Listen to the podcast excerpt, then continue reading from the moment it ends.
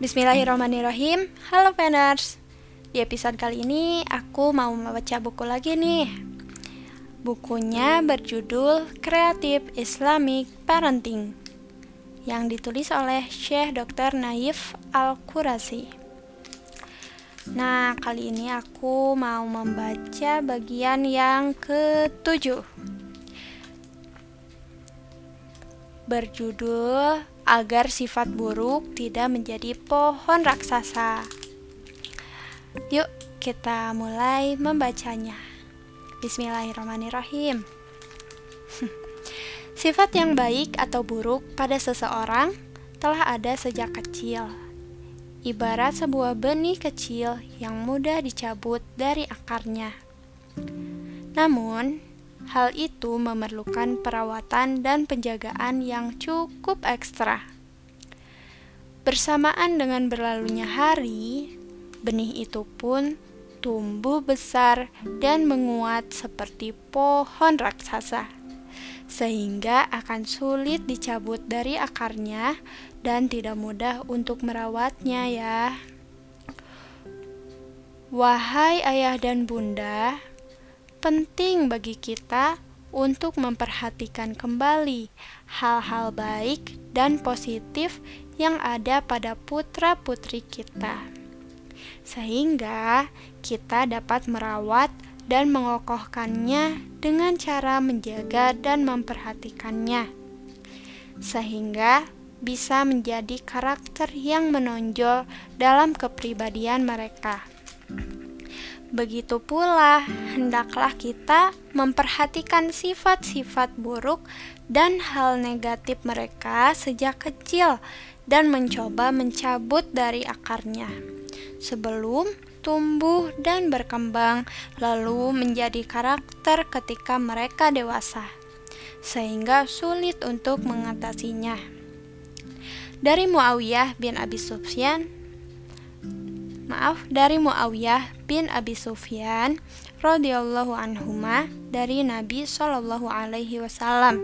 Beliau bersabda, Al khairu adatun wasyarru lajajatun wa man yuridillahu bihi khairan yufaqihu fid din.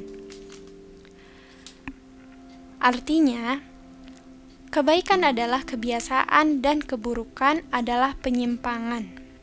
Maaf saya ulangi.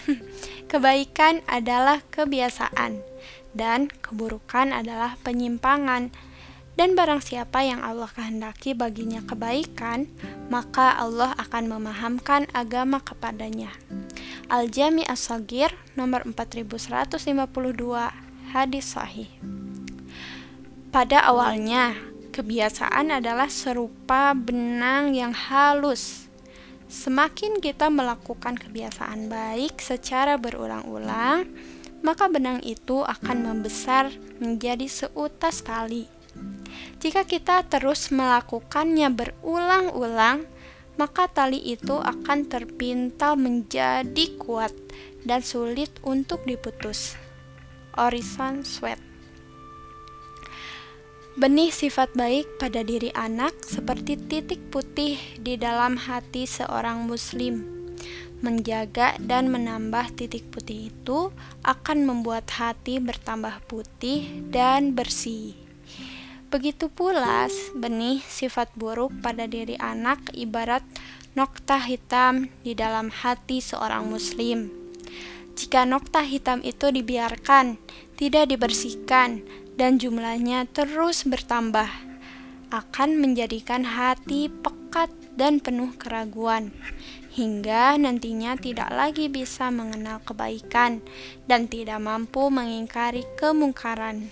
Rasulullah Shallallahu Alaihi Wasallam bersabda, "Tu'radul fitanu 'alal qulubi kal hasiri 'udan 'udan, fa ayu qalbin ushribaha نكتت فيه نكتة سوداء وأي قلب أنكرها نكتت له نكتة بيضاء حتى يصير على القلبين حتى يصير على قلبين أبيض مثل الصفاء فلا تضره فتنة ما دامت السماوات والأرض والآخر aswadu murbadan wal akhar aswadu murbadan kal kuzi mujay mujakhiyan la ya'rifu ma'rufan wa la yunkiru munkarun illa ma ushriba min hawahu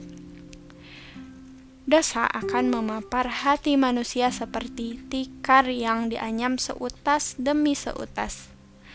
Mana pun hati yang dihinggapi oleh dosa itu, niscaya akan meninggalkan bintik-bintik hitam padanya.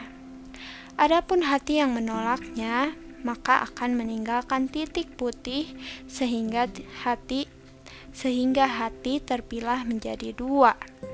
Hati yang putih bagaikan batu marmer yang halus yang tidak lagi terkena bahaya fitnah selama langit dan bumi masih ada sedangkan sebagian yang lain menjadi hati yang hitam keabu-abuan, seperti bekas tembaga berkarat, tidak menyuruh kebaikan, dan tidak pula melarang kemungkaran, kecuali kepada sesuatu yang disukai oleh hawa nafsunya.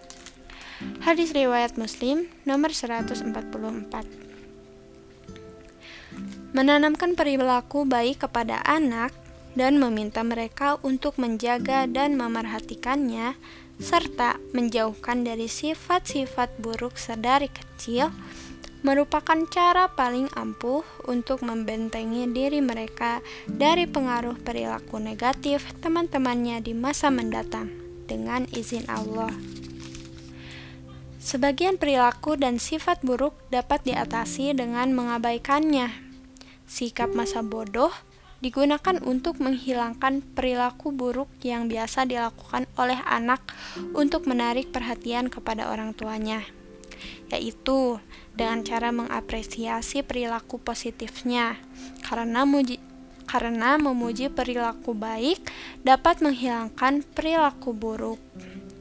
Sebagaimana halnya sikap terlalu protektif atau mengkhawatirkan anak secara berlebihan akan membuat mereka menjadi penakut. Demikian pula sebaliknya, membacakan mereka secara berlebihan akan membuat mereka malas. Karena mengapresiasi secara berlebihan terkadang justru akan berubah menjadi sifat negatif. Misal, berlebihan dalam memuji dalam memuji sifat berani akan mengubahnya menjadi sifat kasar berlebihan dalam memberi semangat berimajinasi akan mengakibatkan anak rentan menjadi penghayal dan mengada-ngada.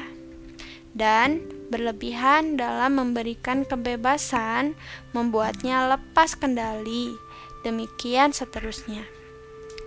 Untuk menanamkan sifat dan perilaku positif kepada anak, sebaiknya dibuat alat kontrol atau checklist untuk mengontrol perilaku mereka dan harus ada reward jika ia menjalankannya. Reward itu bisa berbentuk materi atau non-materi, karena hal itu memberikan pengaruh positif dalam pendidikan anak. Pemberian reward dalam pendidikan sangat familiar di tengah-tengah kehidupan para salaf. Ibrahim bin Adam rahimahumullah berkata, Qala abi Ya bunayya utlubil hadis fakullama sami'ta hadisan wa hafiztahu falaka dirham fatalabtul hadis ala hadha Ayahku pernah berkata kepadaku Wahai anakku pelajarilah hadis jika engkau berhasil mendapatkan satu hadis dan menghafalkannya, maka kamu akan mendapatkan satu dirham dariku. Maka aku pun mencari hadis untuk mendapatkan hadiah tersebut. Syarfu Ashabil Hadis Al-Baghdadi halaman 66. Dan dalam kitab Asyar, Imam Az-Zahabi menyebutkan sebuah kisah. Subaid bin Al-Harith, sang muazin, Zubair bin Al-Haris biasa berkata kepada anak-anak kecil, Ayo sholat, nanti aku beri hadiah. Kemudian mereka pun mengerjakan sholat. Setelah sholat, mereka duduk mengelilingi, mengelilingi Zubaid bin Al-Harith. Lalu mereka menanyakan kepada Zubaid bin Al-Harith perihal perbuatannya tersebut. Beliau menjawab, tidak masalah bagiku memberi hadiah seharga lima dirham agar mereka terbiasa melaksanakan sholat. Syiar al-alamin Nubala jilid 5 halaman 297